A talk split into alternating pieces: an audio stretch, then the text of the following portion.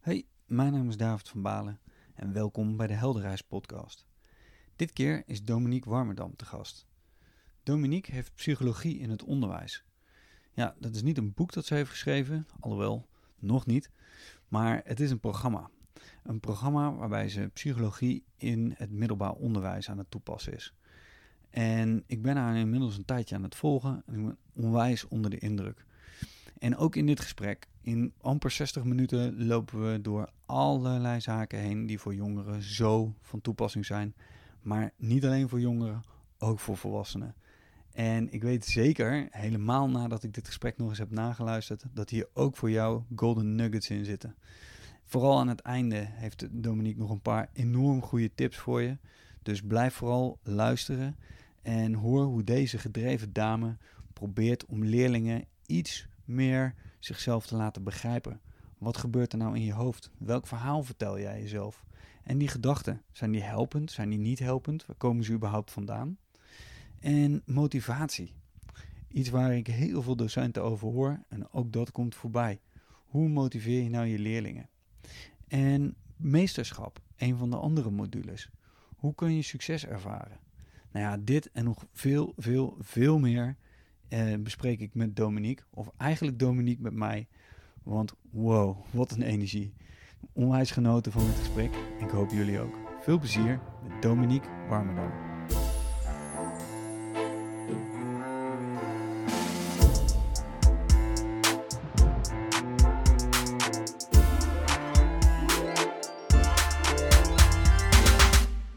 Hey, wat fijn dat je hier uh, bent bij uh, de Helderreis om het gesprek met mij aan te gaan over psychologie. psychologie in het onderwijs. Juist, in het onderwijs. Hey, zou je even heel kort een introductie kunnen geven wie je bent, waar je vandaan komt? Um, ik ben Dominique Warmerdam. Ja, zoals je zei, ik ben uh, 28 jaar. Ik kom uit Haarlem. En ik uh, ja, ben oprichter van psychologie in het onderwijs. Eigenlijk hoe je het net zei. Ja, heel mooi. Ja, duidelijk. Ja. Hey, en um, ik heb je net eventjes uh, meegenomen in het heldenkompas. Uh, en dan wil ik allereerst even jouw call to action. Want uh, Dominique die, was niet altijd bezig met psychologie in het onderwijs.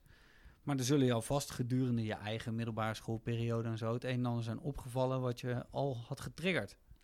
Tijdens mijn middelbare schooltijd. Ja, ik denk dat dat vooral niet echt tijdens mijn middelbare schooltijd was. Wel dat ik me altijd heel erg dingen afvroeg. Ik denk dat ik was heel goed juist op school. Ik was, ja, ik was heel goed op school. Ik vond het ook niet moeilijk op school. Ik kon me goed aanpassen aan het systeem. En ergens toch wel triggerde me altijd wel iets van... Klopt het, zeg maar, hoe we het doen? Um, toen ben ik psychologie gaan studeren. Toen kwam ik erachter, ja, heel veel dingen die ik daar leerde, dacht ik, ja, dat is echt kennis die voor iedereen zou moeten zijn. En... Uh, niet alleen voor psychologiestudenten. Dat was toen nog alleen nog kennis. En toen ging ik werken. En toen kwam ik er ook achter dat we heel veel vaardigheden uh, niet leren die je wel zou uh, moeten kennen. Dus al die ideeën heb ik al gaandeweg uh, verzameld. En toen ik zelf soort van om me heen zag dat veel mensen om me heen uitvielen met burn-outs, toen dacht ik echt, nou, er gaat wel echt iets mis. En volgens mij moeten we goed gaan nadenken over de dingen die we leren in het onderwijs. En Um, vooral wat we niet leren. En dat is eigenlijk vooral het stuk over niet leren. Dat is waar psychologie in het onderwijs uh, eigenlijk op uh, voortborduurt. Ja, en daarin, dat vertelde je net al even in het voorgesprek, hè, daarin had je zelf ook echt een bepaald moment. Ja, Waardoor klopt. je dacht van, wow, dit uh, kan zo niet langer. Nee, dat was inderdaad persoonlijk. Het was, ik zag dus om me heen dat veel mensen uitvielen. Maar ik was zelf ook heel uh, hard aan het werken om het allemaal maar goed te doen uh, voor iedereen. En ging daar best wel over mijn eigen grenzen heen, vond ik achteraf.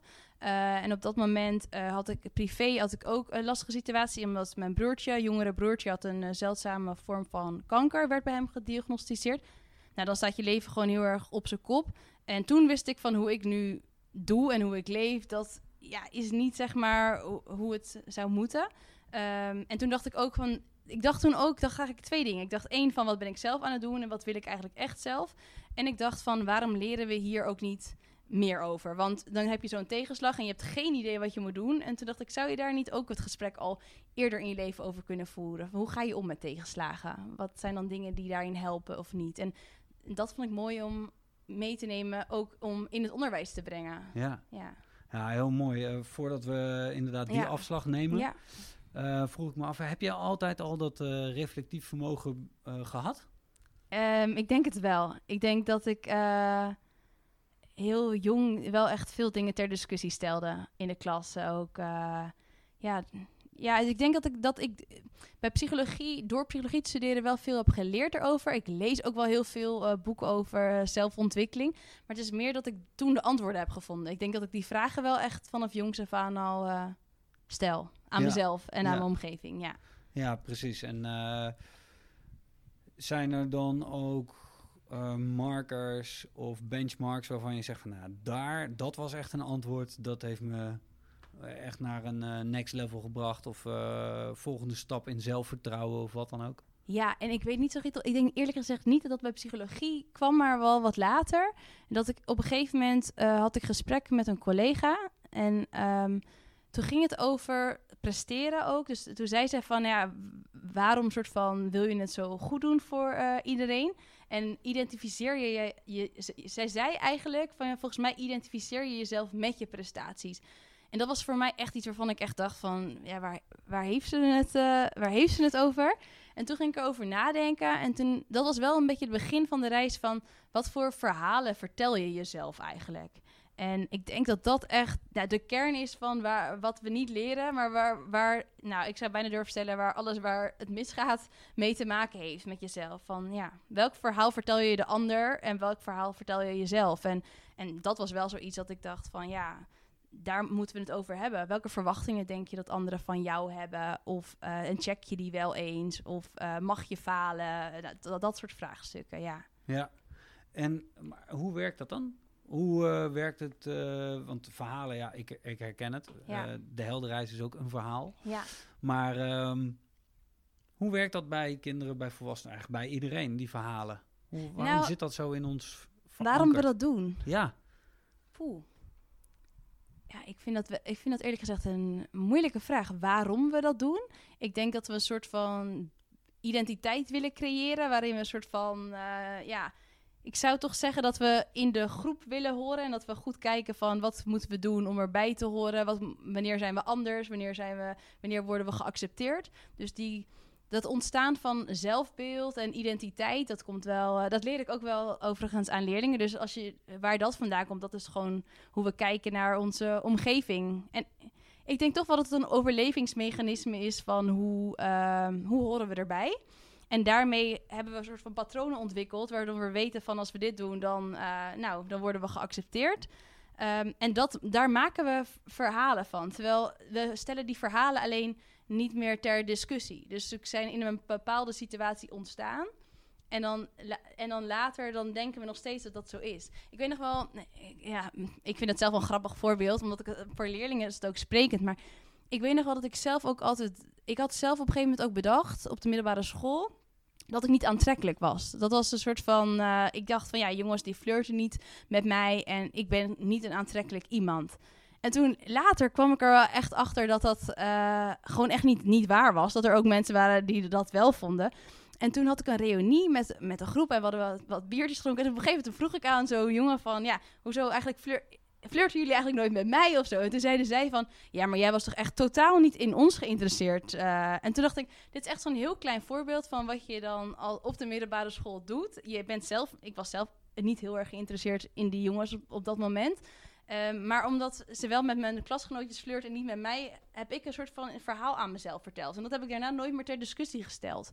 En dat is dan, vind ik, een grappig voorbeeld. Maar dat heeft ook te maken met presteren. Ik denk dat ik bijvoorbeeld in mijn leven. Um, ik denk dat veel mensen dat herkennen die het goed doen op school of in sport. Dat je ook bevestigd wordt daarin. Dus van, oh wat fijn dat je het zo goed doet. Of wat leuk.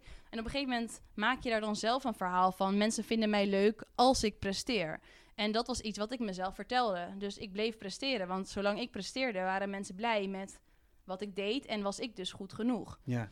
En dan stel je dat dus niet meer ter discussie. Ben je ook goed genoeg als je niet presteert? Nou, dat vind ik vragen die uh, ja, volgens mij heel belangrijk in het leven zijn. En dat, dat bewustzijn, dat zaadje, dat wil ik gewoon graag bij leerlingen ook wat eerder. Ja. Uh, maar dat is natuurlijk. Uh, um, nee, er, er zitten echt nu twee of drie dingen die gaan allemaal ja. door mijn hoofd.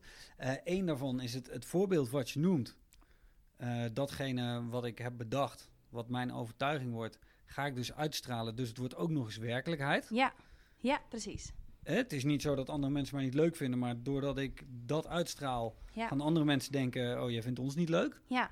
Dus je creëert daarin een eigen realiteit, die de realiteit gaat worden. Ja, dat is dat self-fulfilling eh Precies. prophecy effect. Dat is wel tricky natuurlijk, hè? Ja. Ehm, en daarnaast is het, eh, het andere ding waar ik eh, een haakje voel, is... Oké, op het moment dat je dit tegen pubers vertelt... Ja. die in een hele vormende fase zitten van hun leven... en echt al worstelen met identiteit. Later worden mensen kennelijk wat zekerder of zo. Ik weet niet zo goed waarom, maar Ja. die, hè, die gaan dat dan geloven, die verhalen. Ehm, hoe pakken die dit op? Nou, wat ik merk is dat eh, sowieso vind ik het belangrijk, ook met pubers, om aan te geven aan hun dat zelfbeeld en identiteit gewoon in ontwikkeling is. Dus wat zij nu over zichzelf denken, dat dat niet hetzelfde is wat over, dat zij over vijf jaar over eh, zichzelf denken. In principe is tot je 25ste dit gewoon in ontwikkeling. Ehm, maar ik merk dat ze het wel heel erg herkennen. Want bijvoorbeeld, ehm, ik heb het dan met ze over dat self-fulfilling prophecy effect, maar ook over bijvoorbeeld de relatie tot docenten. Hoeveel leerlingen zijn er niet die zeggen die docent mag me niet? Dat is iets wat, wat ik vaak hoor. En dan zeg ik ook, oké, dat, dat vertel jij dus. Die docent mag me niet. En hoe ga jij je vervolgens, zeg maar, wat is jouw gedrag op basis van deze overtuiging? Nou, dan zegt ze zelf ook wel, ja, nee, dan, eh, ja, dan ga ik toch niet meer mijn best doen, want diegene mag me toch niet. Ik zeg, ja. En wat denk je dan dat de docent dan vervolgens daar weer van denkt? Dus die heeft daar weer een bepaalde overtuiging op. Die gaat ook weer zijn gedrag aanpassen. En uiteindelijk versterk je, eh, versterk je dit effect. Dus door het soort ja, door voorbeelden te gebruiken die zij eh, herkennen, ja, heb ik, vind ik dat, ze, dat pubers dit wel echt goed begrijpen. Ja. Dat dit, dit invloed heeft op Ja. welk verhaal je jezelf vertelt. Mooi.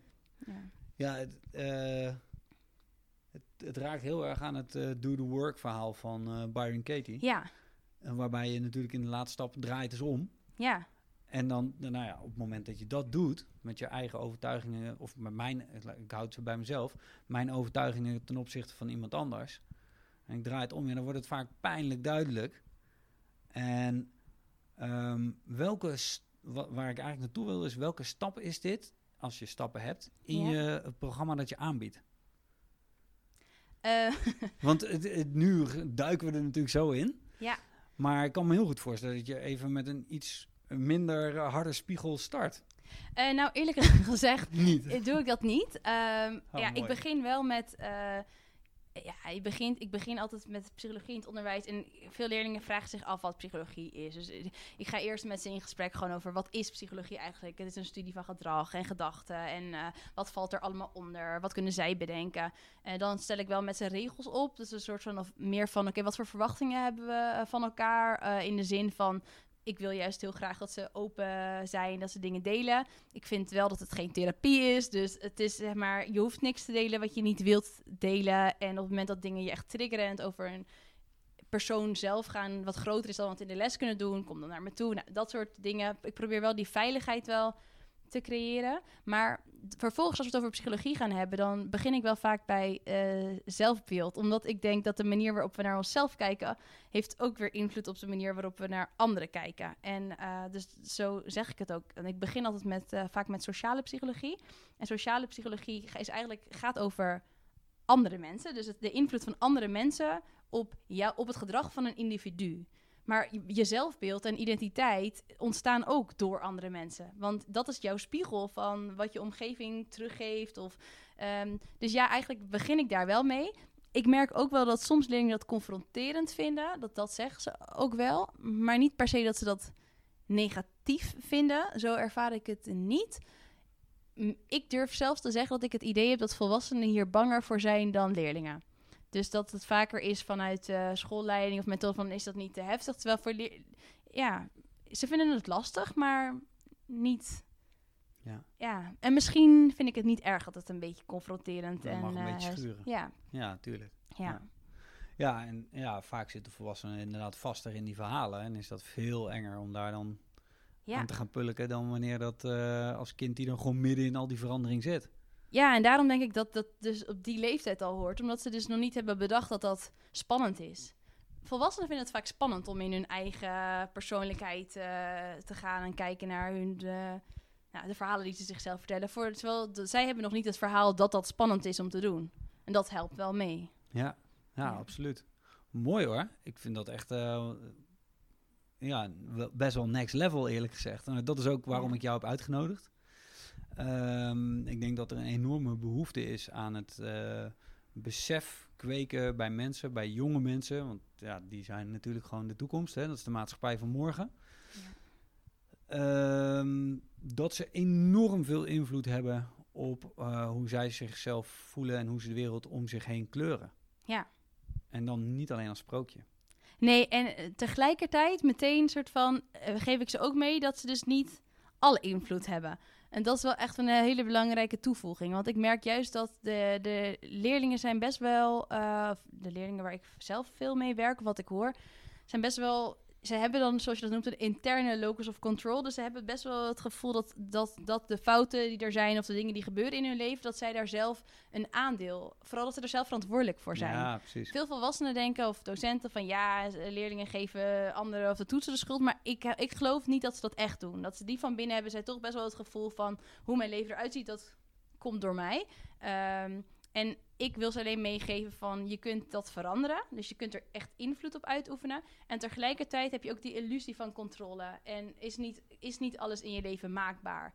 En is het niet zo dat als je maar hard genoeg je best doet, je sowieso gelukkig bent. En ik denk dat dat ook wel heel belangrijk is om dat met ze eh, te bespreken. Dus echt, echt die cirkel van invloed. Van welke invloed heb Ja. jij? Dat wil ik heel graag meegeven. Maar ook accepteer ook welke invloed eh, je niet hebt. Ja, circle of concern. Ja. Ja. Nou, mooi. En waar zit in eh, dit deel, want je noemde het woord net al eventjes, eh, wel, eh, wel gaaf, geluk. Ja. Neem je dat mee? ja, zeker. Nou, het, Het ongrijpbare... Ja. Ja, en dat is ook iets waar ik, ik, ik, ben, ik ben de kritiek voor geweest door alles wat mensen daarover zouden kunnen zeggen en mee te nemen. Ja. Ik vond dat ook heel spannend. Eh, kijk, sociale psychologie, daar ben ik ooit mee begonnen. Dat is misschien even een goed bruggetje, omdat ik echt dacht van... Het ging veel meer over vooroordelen, groepsgedrag, ook stereotypering. Omdat ik echt geloofde dat mensen daarmee ook milder zouden gaan kijken naar de maatschappij en naar anderen. Dus niet alleen naar jezelf, maar dat je ook eh, wat open-mindeder kan blijven. En waarvan ik dus denk, hoe jonger je bent en je dat leert, hoe makkelijker dat is. Maar vervolgens, eh, toen ik daarmee begon en merkte dat leerlingen dat echt aansprak, ben ik ook wel verder gaan nadenken over, ja, maar wat, wat wil ik nou echt aan ze meegeven? En toen kon ik niet onder een thema als geluk uit. Ehm, en het kwam er ook wel door, doordat ik ook merkte dat het, een, dat, dat echt wel een ver weg, wat ver van hun bedshow was. Ehm, dus toen heb ik een, een nieuwe module geschreven over, het heet positieve psychologie. Ehm, en dat gaat ook over geluk, maar ik heb wel echt gekeken naar, oké, wat wordt er vanuit de wetenschap eh, gevonden wat invloed heeft op zingeving en eh, welbevinden. Dus die dingen neem ik mee. Ehm, daarbij kijk ik echt heel erg naar wat maakt het. Niet alles wat wetenschappelijk is, geldt voor jou. Dat is wel iets wat zij moeten weten. Dus dit zijn de dingen die we over het algemeen zien, maar hoe werkt het in jouw leven? Dat is echt, dat is veel meer toegepast, die eh, modules. Het gaat Ja. echt over eh, ervaren. Ehm, maar daarin, ik weet dat tijdens mijn, eh, een college wat ik had tijdens mijn studie psychologie, ging ook over geluk. En toen werd gezegd, volgens mij was het door Ad Kerkhoff, dat hij zei van, als ik jullie één tip mag geven over geluk, is dat als je dat vanaf nu accepteert dat je het niet altijd kunt zijn. Dat is zeg maar de grootste les die ik je mee kan geven. En ik- dat heb ik altijd wel onthouden. Dus ik dacht van, eh, hier, moet hier, eh, hier moeten we wel, dit moet ik ze wel meegeven. En je hebt natuurlijk ook wel wat psychiaters die nu bezig zijn, zoals Dirk de Wachter, over we kunnen niet meer ongelukkig zijn. Dus eigenlijk vind ik het vooral interessant om met ze te kijken, wat betekent geluk voor jou? Ja. Ehm, en ik wil daar wel wat handvatten in geven, maar het is niet zo, dit is de kennis hier, alsjeblieft, nu word je gelukkig. Maar oké, en vind je eigenlijk, vinden jullie eigenlijk dat, je, dat, geluk, dat streven naar geluk iets is wat je zou moeten doen? Of, ehm, nou, dat, dat, het is meer filosofisch bijna eh, bedoeld om ze Ja. er echt over te laten na- nadenken.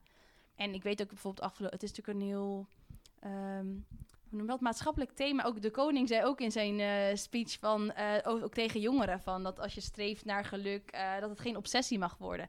Dus dat vind ik, dat, dat, dat soort dingen bespreken we dan juist met leerlingen en dan, ja, om ze er gewoon erover na te laten denken. Ja, precies. Ja. Ja. om het maar niet klakkeloos als definitie aan te nemen, maar eerst kijken, wa- wat is de definitie voor jou? ja. Ja. En eh, ben je daarin eh, sturend of laat je hen volledig eh, de definitie invullen? Ehm, nou, nee, ik, ik, ik zeg wel wat, wat volgens dan de positieve psychologie een aantal dingen zijn. Dus ik neem, neem ze daar wel mee in de theorie. Maar vervolgens dan vraag ik het wel echt als, echt als een open vraag. En dan wil ik dat ze daar het gesprek over voeren. En dat maakt dan wel heel erg uit met welke leeftijdscategorie je te maken hebt. Op wat voor, wat voor, antwoorden eh, jij daarin krijgt.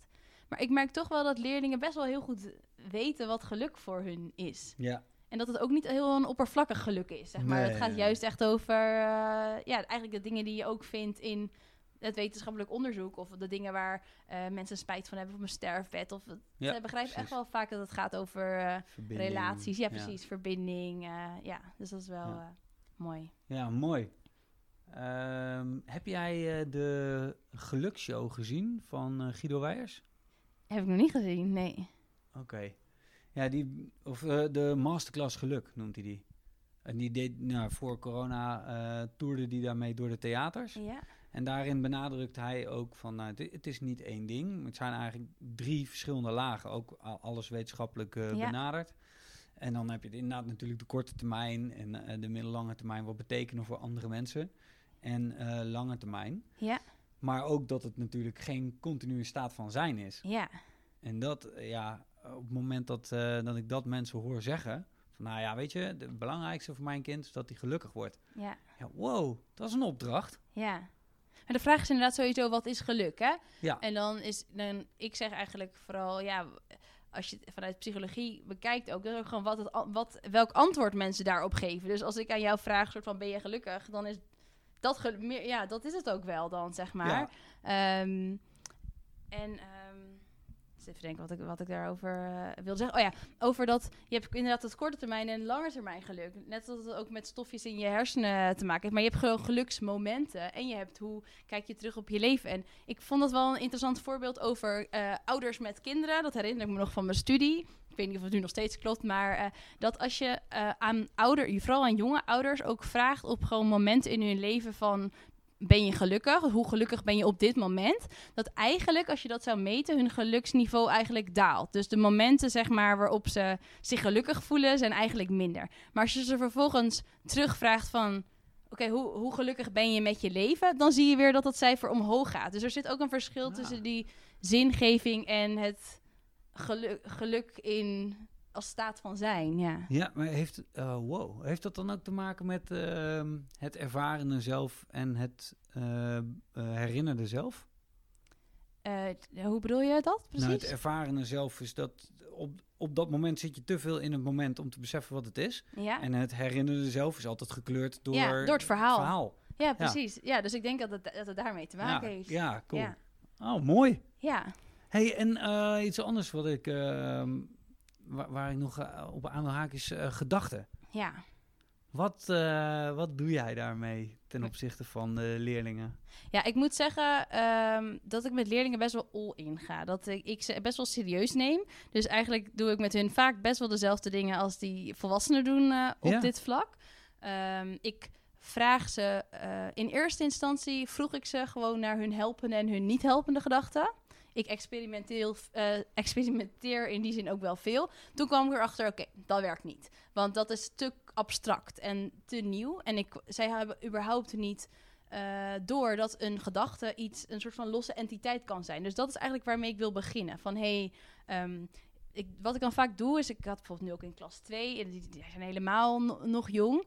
Ehm, ja, je hebt een bepaalde situatie. En over die situatie kan je gewoon verschillende gedachten hebben. En als je, dan gebruik ik dan gewoon voorbeelden van die zij hebben. Dus ja, je haalt eh, een laag cijfer. ehm, nou, wat kun je daarover denken? En dan komen ze zelf wel met verschillende gedachten. Dus dan kun je al zien dat er is één situatie en niet iedereen denkt daar hetzelfde over. En vervolgens kun je zien, vraag ik ze ook van oké, we kiezen nu deze gedachte.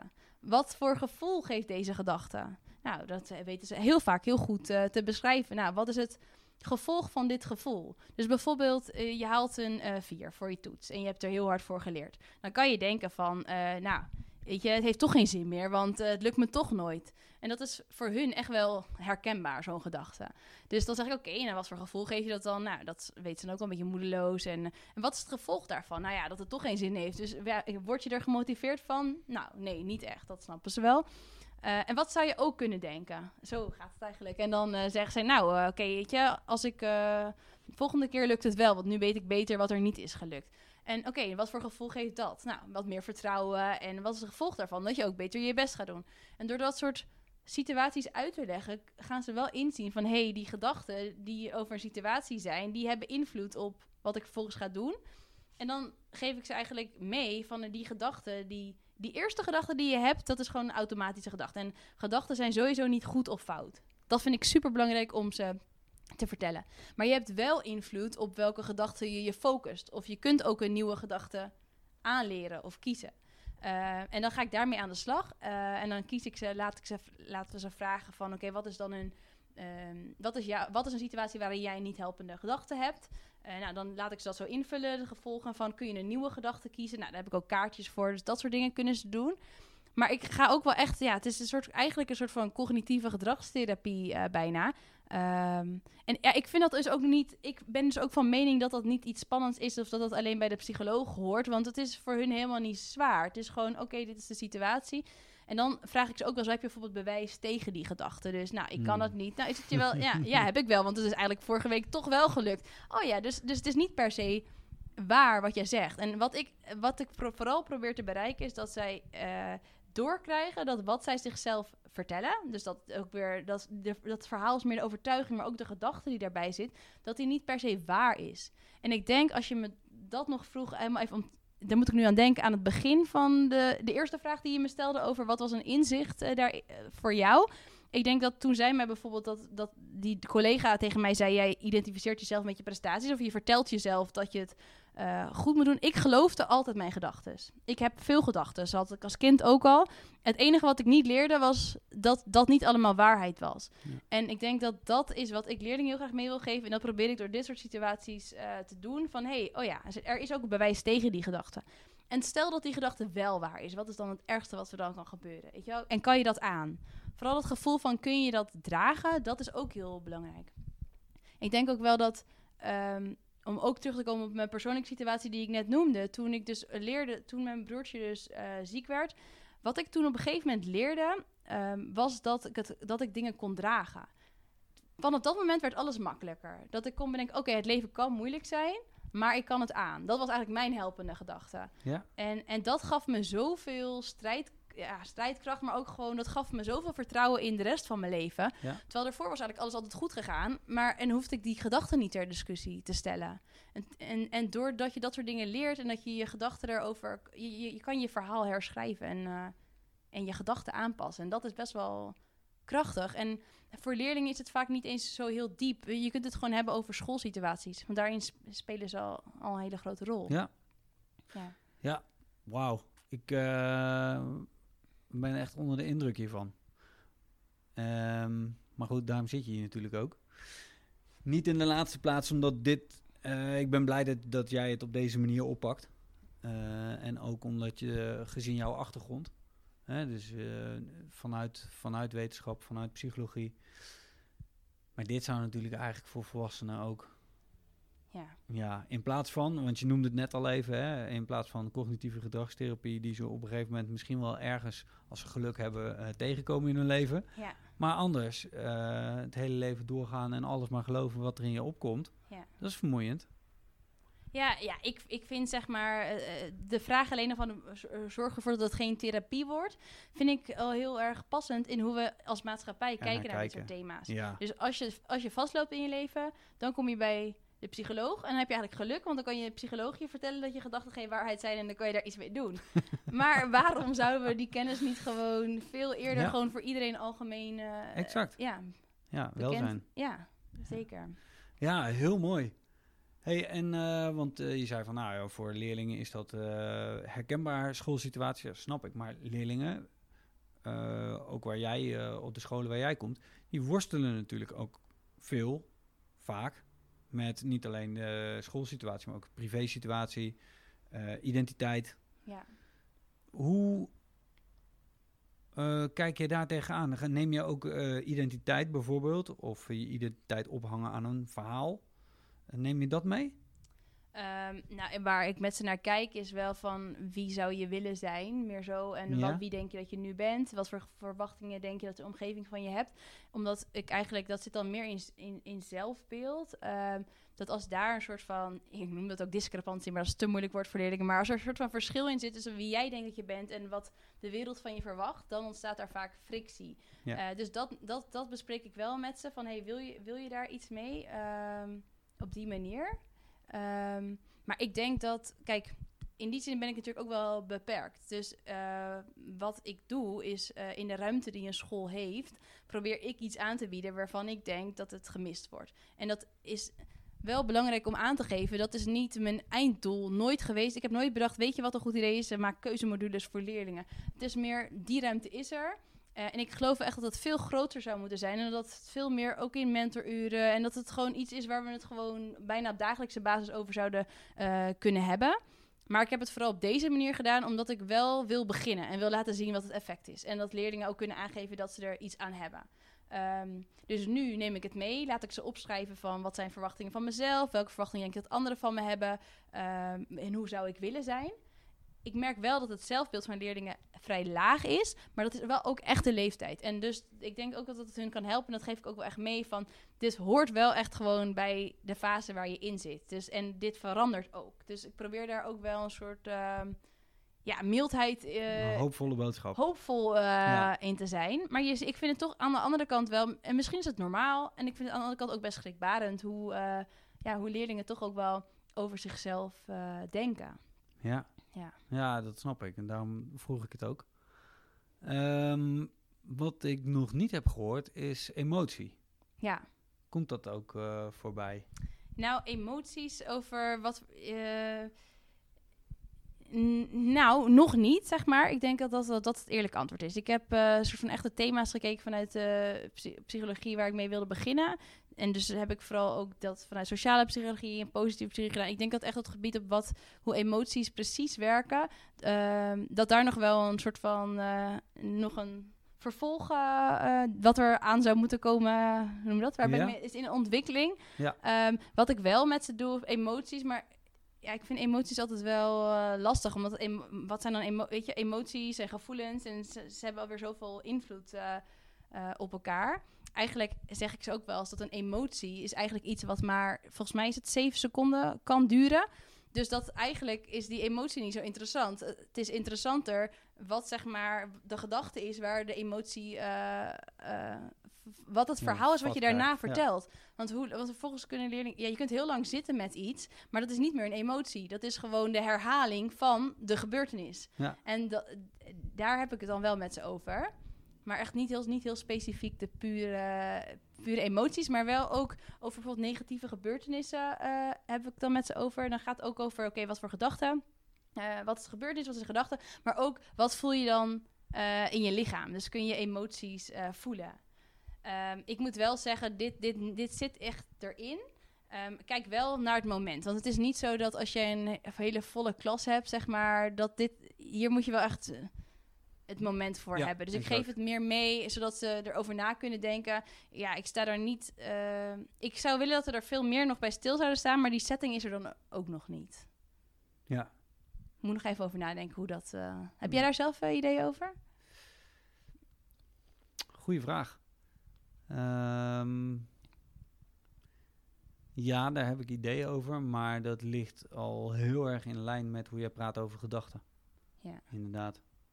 Hè, de, de een, eh, kijk, eh, emoties, daar kun je verschillende eh, betekenissen aanhangen.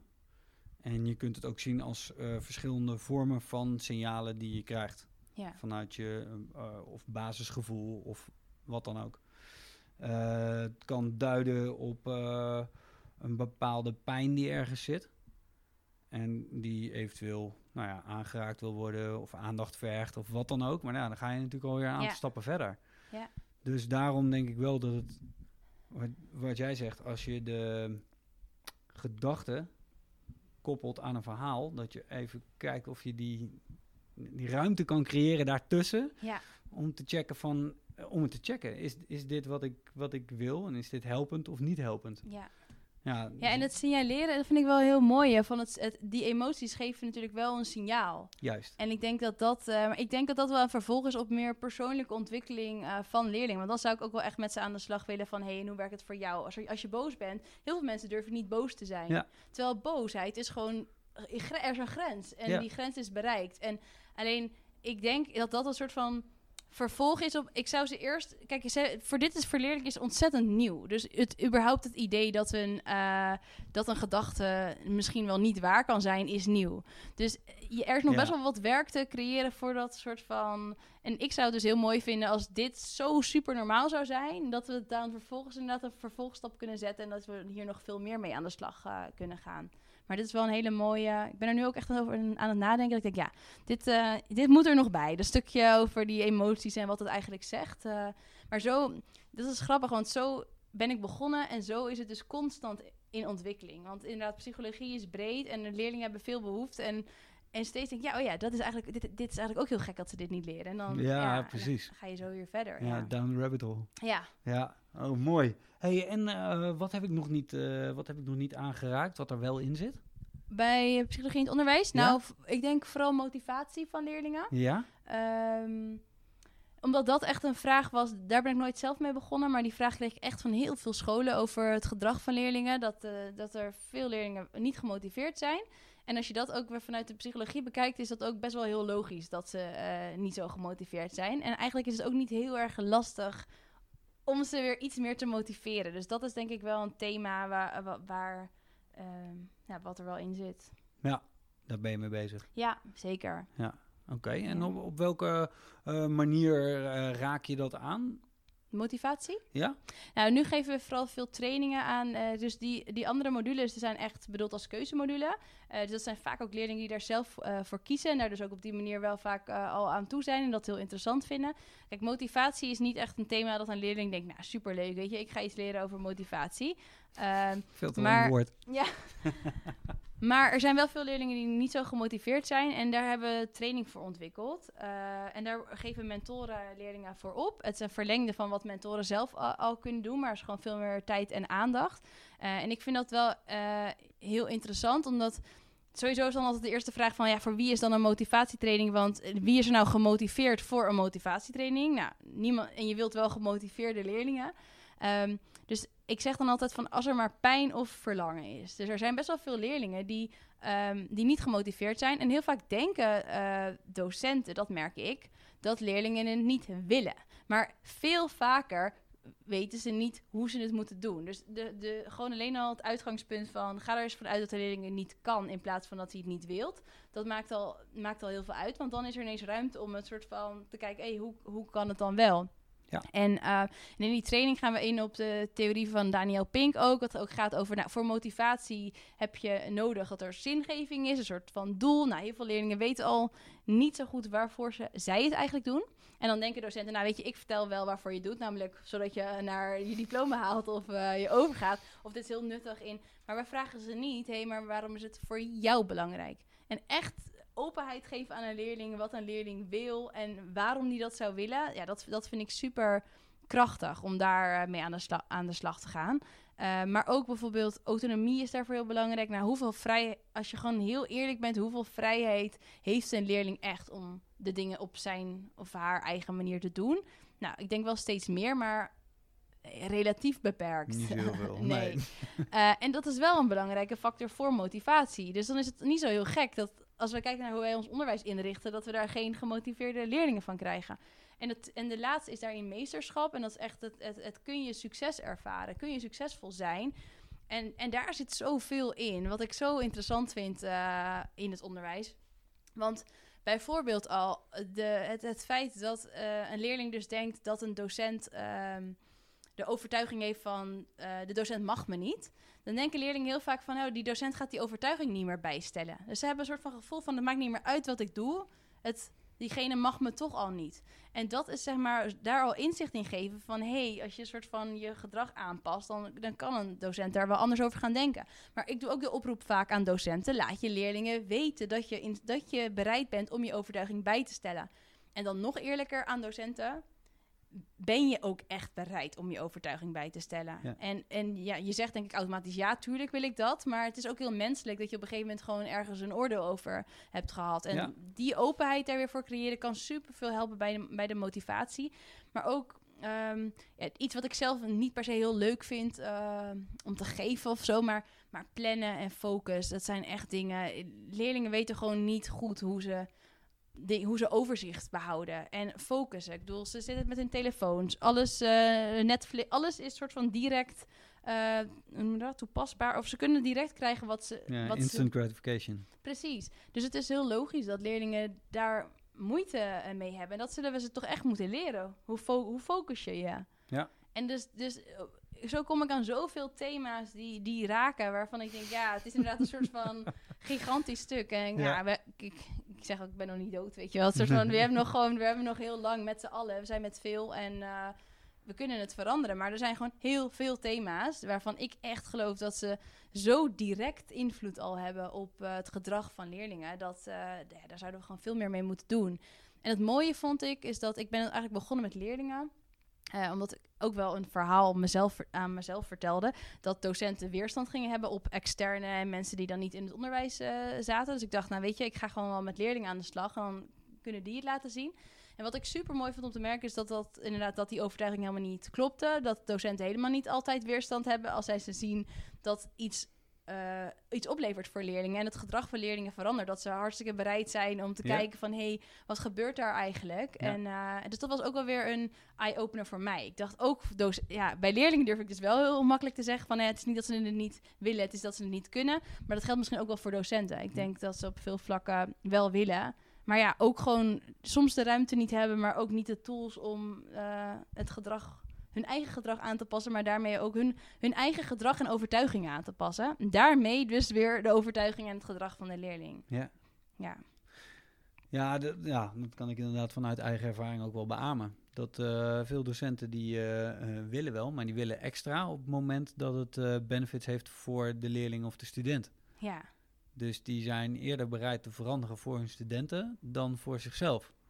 Ja. Dat is ook wel interessant. Interessant thema. Ja, en dan kom je dus weer aan een, aan een ander thema en zo gaat het balletje er steeds Ja. verder. Omdat ik dan toch denk, ja, dat zie ik ook wel bij docenten. Ehm, ja, wat is voorleven? Hè? Eh, Als je alleen dan kijkt naar het grenzeloze wat docenten hebben. Ik doe alles voor de leerling. is ook al heel interessant, hè? Waarom doe je alles voor de leerling, zeg maar? Want waar zijn jouw, eh, waar zijn jouw grenzen? Dus dat grenzeloze gedrag en de, ook hoeveelheid burn-outs in het onderwijs zelf. Wat voor, wat voor voorbeeld geef je daar eigenlijk mee aan je leerling? En ik, ik denk dat, dat leerlingen zouden moeten leren om beter voor zichzelf te zorgen. Maar daarmee zouden ook docenten moeten laten zien hoe zij voor zichzelf zorgen. Ja. En ook mild zijn voor zichzelf, maar ook voor elkaar. Ja. Dat zie ik ook veel in onderwijsinstellingen. Dat toch best wel de oordelen over elkaar. Terwijl er is zoveel idealisme en, er zijn, en eigenlijk heeft elke docent Gedrevenheid, ja. Precies, heeft het goed voor met zijn leerlingen. En, eh, maar hoe we vervolgens dan met elkaar eh, omgaan, hoe snel er ook wel geoordeeld wordt, hoe hard. Ja, ja. dat is wel. Zou zo'n liefdevolle omgeving kunnen zijn. Ja, Ja, en natuurlijk ben ik ook lang niet bij iedere school binnengewandeld in Nee. Nederland. Dus er zullen zat scholen zijn waar dat eh, echt eh 100% zo is. Ehm, of in ieder geval veel procent. Maar ja, daar, daar zit ook echt wel een ding. En jij doet ook eh, trainingen voor docenten. ja, klopt. Ja, dat is wel echt gekomen vanuit de beho- behoefte van scholen. Want ze zeiden van ja, nu wel mooi dat je dit een aantal leerlingen eh, meegeeft. Maar eh, je raakt er een aantal en die gaan eh, straks weer weg. Dus kan het niet veel structureler. Dus vanuit die aanvraag heb ik wel trainingen bij docenten gedaan. En, maar wel echt vanuit hun behoeften. Dus dat vond ik wel heel mooi. Want de eerste training die ik ooit heb gedaan, kwam vanuit de vraag van wij merken dat leerlingen niet alles uit zichzelf halen. Dus vooral dat er meer in zit. Maar op een of andere manier blokkeert er iets op het moment dat ze toetsen hebben. Of, eh, dus vooral dat faalangstige. En dan gaat het echt niet alleen maar over iedereen die echt een diagnose faalangst krijgt. Maar veel meer wel toch wel angst eh, om te falen. En ik, ja, dat vind ik mega interessant. Want dat is zeg maar het belemmert, eh, belemmert leerlingen. Het belemmert zelfs de resultaten van je school. Ik geloof niet dat je altijd dat je dat als uitgangspunt zou moeten nemen om het te veranderen. Maar toch kun je daar al direct invloed op hebben. En dat gaat dus gewoon over die overtuigingen. En docenten, ja, die, ik train vooral eigenlijk docenten hoe ze dat eh, met leerlingen kunnen doen. Maar heel vaak in die trainingen komt dan ook al de vraag van... maar hoe doen we dat dan eigenlijk bij elkaar? Want over angst om te falen... wat voor mogen we zelf falen als docenten? Hoe gaan wij eigenlijk als collega's met elkaar om... als een docent iets doet wat, uh, wat wij niet goed vinden? Is er een cultuur waarin dan een soort van... Uh, ja, hoe, en dan merk je toch wel dat daar ook wel heel veel zit. Dat er soort van, ook wel een soort van angst om te falen is bij docenten. En uh, dat, dat, dat eigenlijk, zij, ik ben er zo van overtuigd dat die cultuur van uh, docenten, die zijpelt echt door in leerlingen. En zij leven voor. En dat, uh, ik denk dat docenten dat toch soms vergeten. Dus hoe zij allemaal met elkaar omgaan en wat voor overtuigingen zij over zichzelf hebben, dat, dat, dat je daarmee ook iets meegeeft aan je leerlingen. Dus ja, ja doe niet alles ten koste. Uh, weet je, doe niet ten koste van jezelf alles voor je leerlingen. Ja, en waar, waar me dat ook heel erg uh, aan doet denken, is natuurlijk uh, energiehuishouding. Ja. Um, maar dat heeft absoluut te maken met, nou, hoe, hoe zorg je goed voor jezelf? Uh, daar zie ik ook wel eens wat uitdagingen. heb je het daar ook over met docenten? Hoe ze goed voor zichzelf zorgen? Ja, qua um, joh, be be het bewegen, want dat hoofd zit natuurlijk vast aan een lijf misschien is het handig op het moment dat je goed voor dat lijf zorgt, dat het hoofd ook wat rustiger wordt of meer, beter kan slapen, doorslapen. Uh, voeding, hè, wat stop je erin? Ja. Ja, er zijn natuurlijk er zijn echt wel heel veel tastbare dingen uh, die je kunt doen om je stress uh, ja. te verminderen. En ja, die. Neem je dat mee? Want het wordt inderdaad allemaal zo enorm breed. Je kunt vanuit psychologie alles benaderen natuurlijk. Ja, klopt. Dus daarom, dat is ook de vraag hè, van hoe, hoe, hoe beperk je uh, jezelf, niet jezelf, maar hoe zorg je voor focus? Kijk, waar ik nu echt ja. naar kijk is vooral wat kunnen um, ik kijk nu vooral naar de leerling. Dus wat, wat levert de leerling al, iets op? Dus dat, dat kan of door dat direct aan leerlingen aan te bieden door modules of trainingen. Dat gaat nu ook door de docenten te leren hoe zij eigenlijk vooral omgaan met de leerling. Dus daar zit mijn eerste stap. Dus, uh, en ik denk dat de stap daarna ook is van, ja, of misschien is het wel de eerste stap. Hè? Ik kijk hem van onder, maar je kan hem ook andersom uh, uh, bekijken.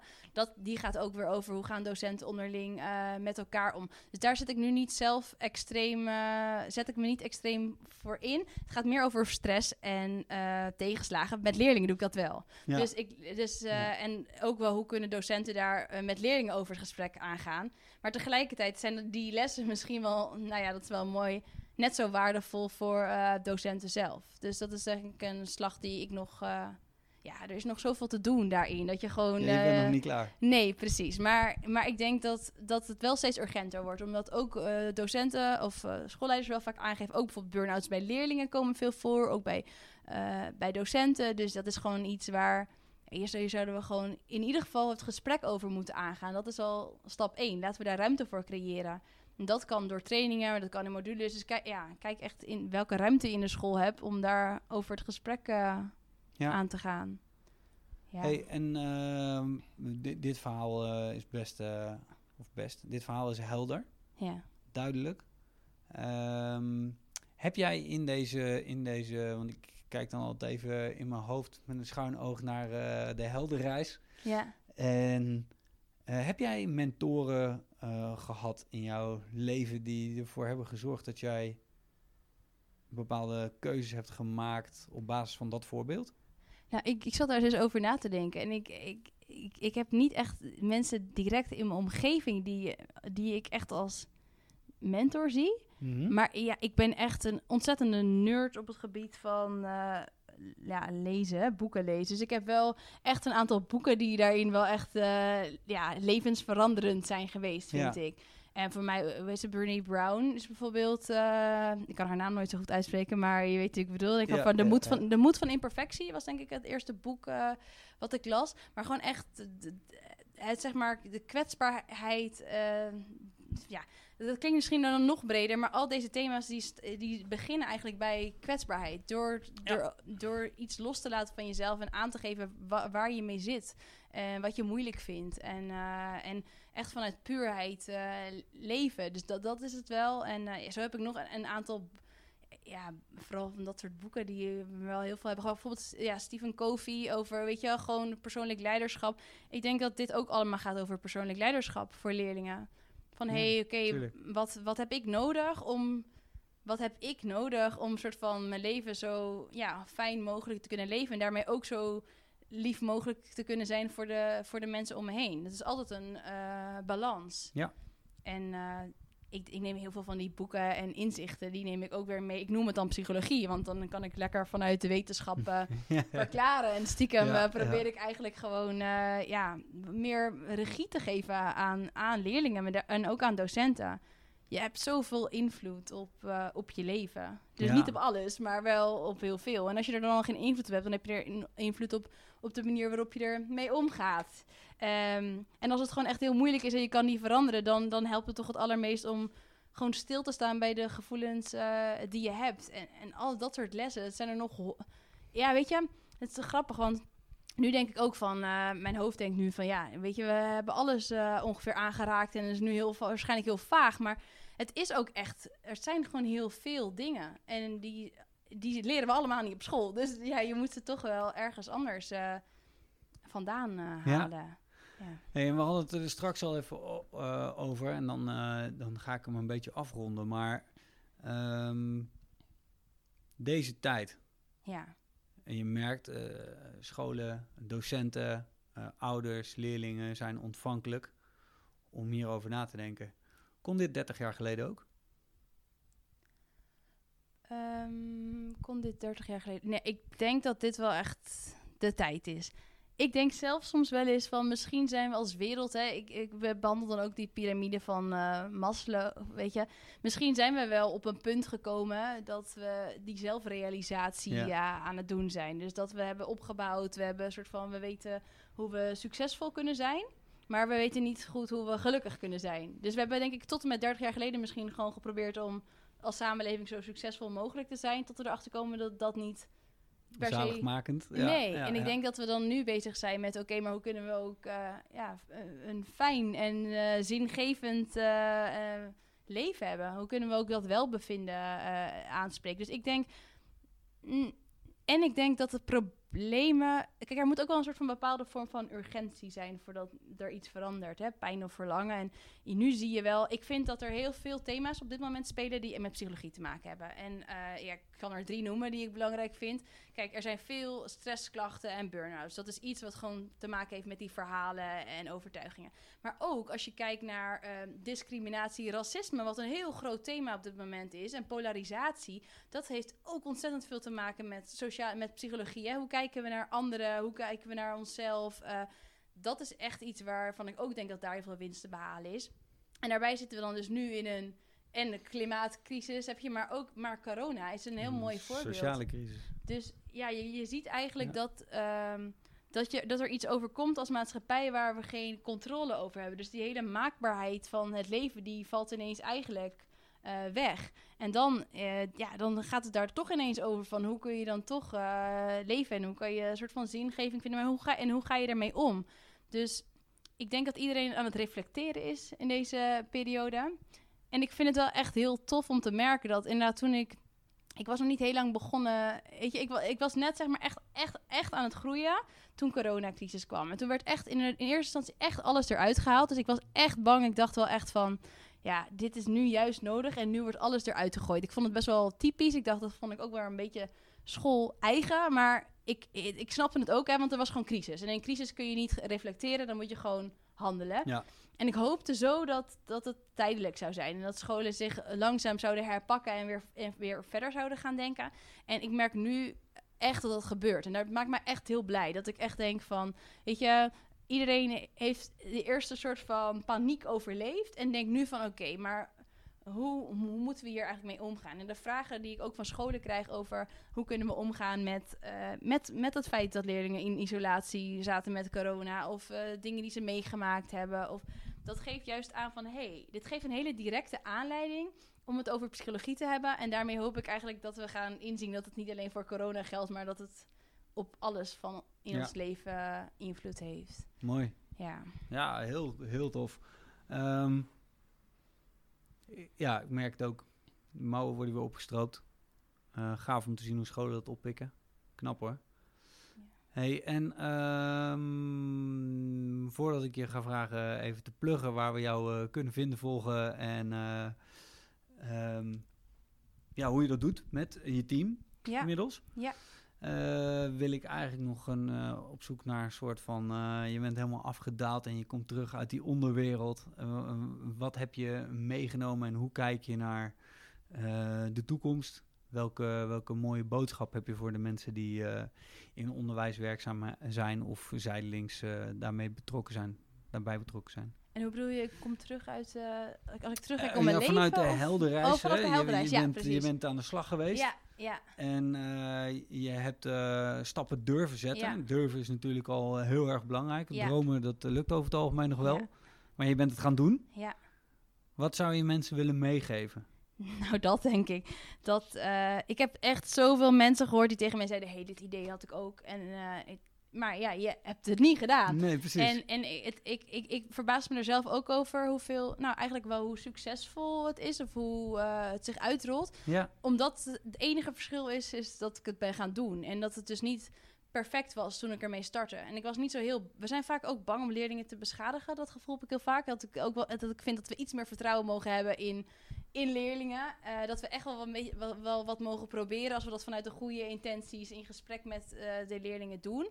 Ehm, dus ja, durven te doen, ook als het nog niet eh, perfect is. Maar ook spre- ja, het verhaal wat je zelf vertelt, spreek je dromen uit. Want ik, toen, toen ik zei van, ik wil dat psychologie in het onderwijs kwam, ik dacht het altijd al, maar ik zei het niet. En toen ik het hardop ging zeggen, toen ontstonden er zoveel dingen.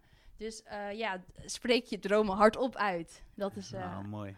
Gaaf, hè? ja. Hey, Dominique, ik wil je heel erg bedanken Ja. voor je tijd. Om eh, die even vrij te maken voor ons om hier eh, te komen zitten en te komen praten. Over onderwijs en over psychologie in het onderwijs. Ja. Waar kunnen we jou vinden volgen? Nou, je kan sowieso eh, mijn website bekijken, www.psychologieinhetonderwijs.nl. Dan kun je me ook een bericht sturen. Ehm, ik ben op LinkedIn vrij actief. Dominique Warmerdam heet ik, zo makkelijk is het. En dat vind ik ook echt leuk om mijn visies te delen en om reacties eh, te krijgen. Dus eh, ja, via psychologie in het onderwijs. Ik kan het beamen, want eh, je reageerde heel snel via LinkedIn. Hartstikke bedankt daarvoor. Ja. Is er iets wat we nog niet gezegd hebben? Waarvan je zegt, nou, dat wil ik eigenlijk nog wel eventjes eh, meedelen. Mm, nee, ik denk dat er gewoon dat er werk aan de winkel is. En ehm, ja, wat ik, wat ik vooral mee wil geven is, ik, hoop gewoon dat ik begin en ik ga verder en ik ontwikkel me door en ik hoop mensen met mij. En dat we elkaar uiteindelijk vinden. Want ik merk dat er veel bewegingen zijn dat mensen willen heel graag heel, heel lang nadenken over hoe we het gaan doen. En dan gebeurt er heel weinig. Dus ik wil, ja, nogmaals, ik, ik blijf me doorontwikkelen. Psychologie in het onderwijs blijft zich doorontwikkelen. Is, is zich echt aan het doorontwikkelen. Ehm, en ik hoop dat iedereen dat mensen met me meegaan op missie. Dat hoop ik. En dat we vooral dat doen door te doen. En dat we elkaar dan eh, dat we elkaar zo eh, verder helpen. En dan hoop Ah, ik dat mooi. het onderwijs een beetje in beweging eh, kunnen brengen. Wauw. En als ik terugkijk, dan hoop ik dat het op een gegeven moment normaal is geworden dat we het over overtuigingen, gedachten, gevoelens, emoties en, en gedrag hebben in het onderwijs. Dat dat geen uitzondering is, maar gewoon de regel. Ja. Mooi, Dominique. Ga deze gedreven doener volgen, beste mensen. Dominique, dankjewel. Dat was hem. Ciao.